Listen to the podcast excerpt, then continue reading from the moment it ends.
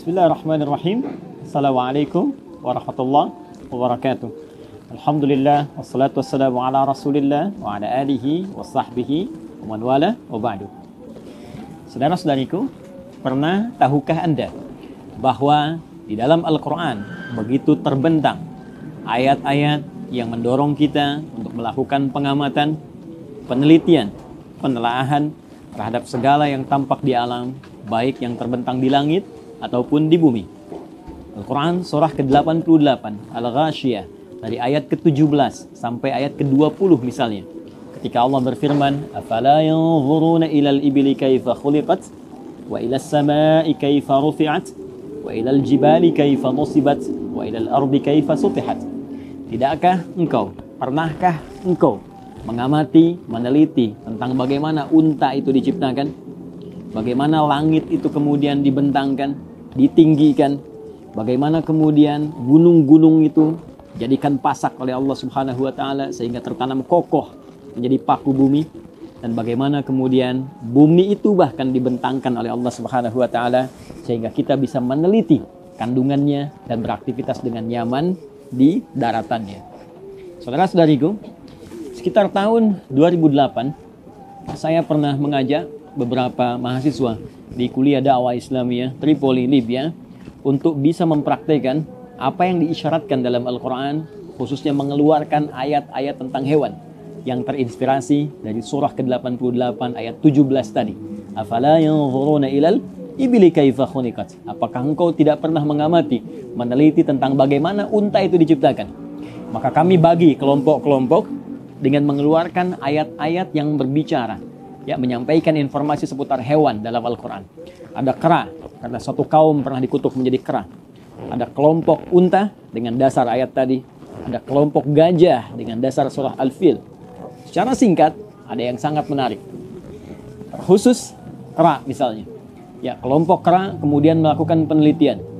Coba dia berikan makanan pada kera, begitu diberikan dia tangkap dengan tangan bagian kanannya Diberikan lagi dia tangkap dengan kirinya. Diberikan lagi dia tangkap dengan kedua kakinya. Jika dia sudah bosan dengan wilayahnya, dia akan invasi, ya, dia akan ekspansi kepada wilayah lain dan dia keluarkan kera yang tinggal di situ supaya dia bisa tempati dengan nyaman. Kera. Karena itu tidak mengherankan kenapa ada kaum yang dikutuk menjadi kera, bukan tikus misalnya. Karena tipikal kaum ini karakteristiknya sama persis dengan apa yang dimiliki oleh kera. Rakus ingin mengambil semuanya monopoli wilayahnya. Kalau perlu bosan dengan wilayah sendiri, ambil wilayah tempat lain. Yang penting dia bisa tinggal nyaman di dalamnya. Kembali pada unta. Afala yanzuruna ilal ibili kaifa. Ketika kelompok unta ditugaskan, bahkan kemudian bertanya pada pawangnya, unta ternyata memiliki dua kaki, dua tangan.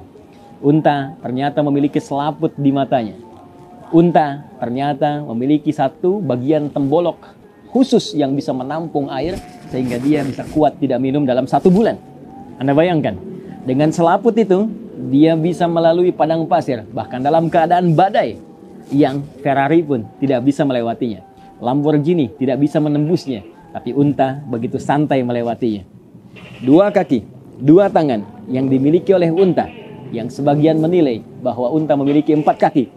Ternyata rahasia itu kemudian terungkap ketika Nabi Shallallahu Alaihi Wasallam memberikan gambaran kepada kita untuk mudah bersujud saat akan sholat bisa mengambil dengan menggunakan lutut atau kedua telapak tangan mengacu pada kasus unta.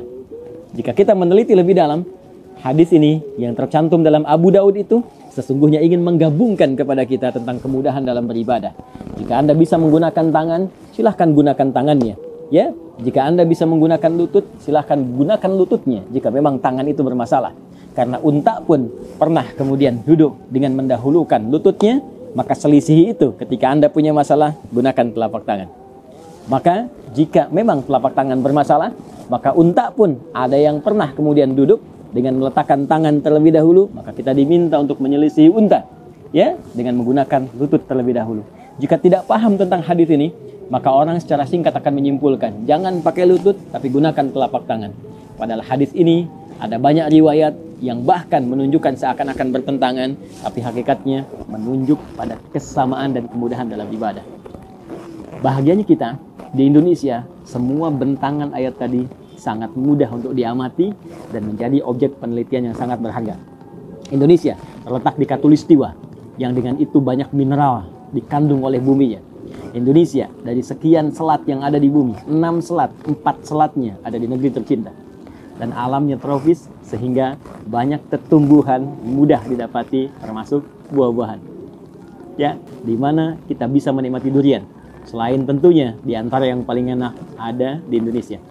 Jadi, mari kita budayakan meriset, budayakan meneliti, budayakan mengamati yang mungkin dengan itu kita bisa tampil lebih baik ke depan, makmurkan tempat yang kita pijak sekaligus menjadikan itu sebagai bekal ibadah kepada Allah Subhanahu wa taala. Pernah tahukah Anda? Adi Hidayat, Pandeglang. Assalamualaikum warahmatullahi wabarakatuh. Bismillah.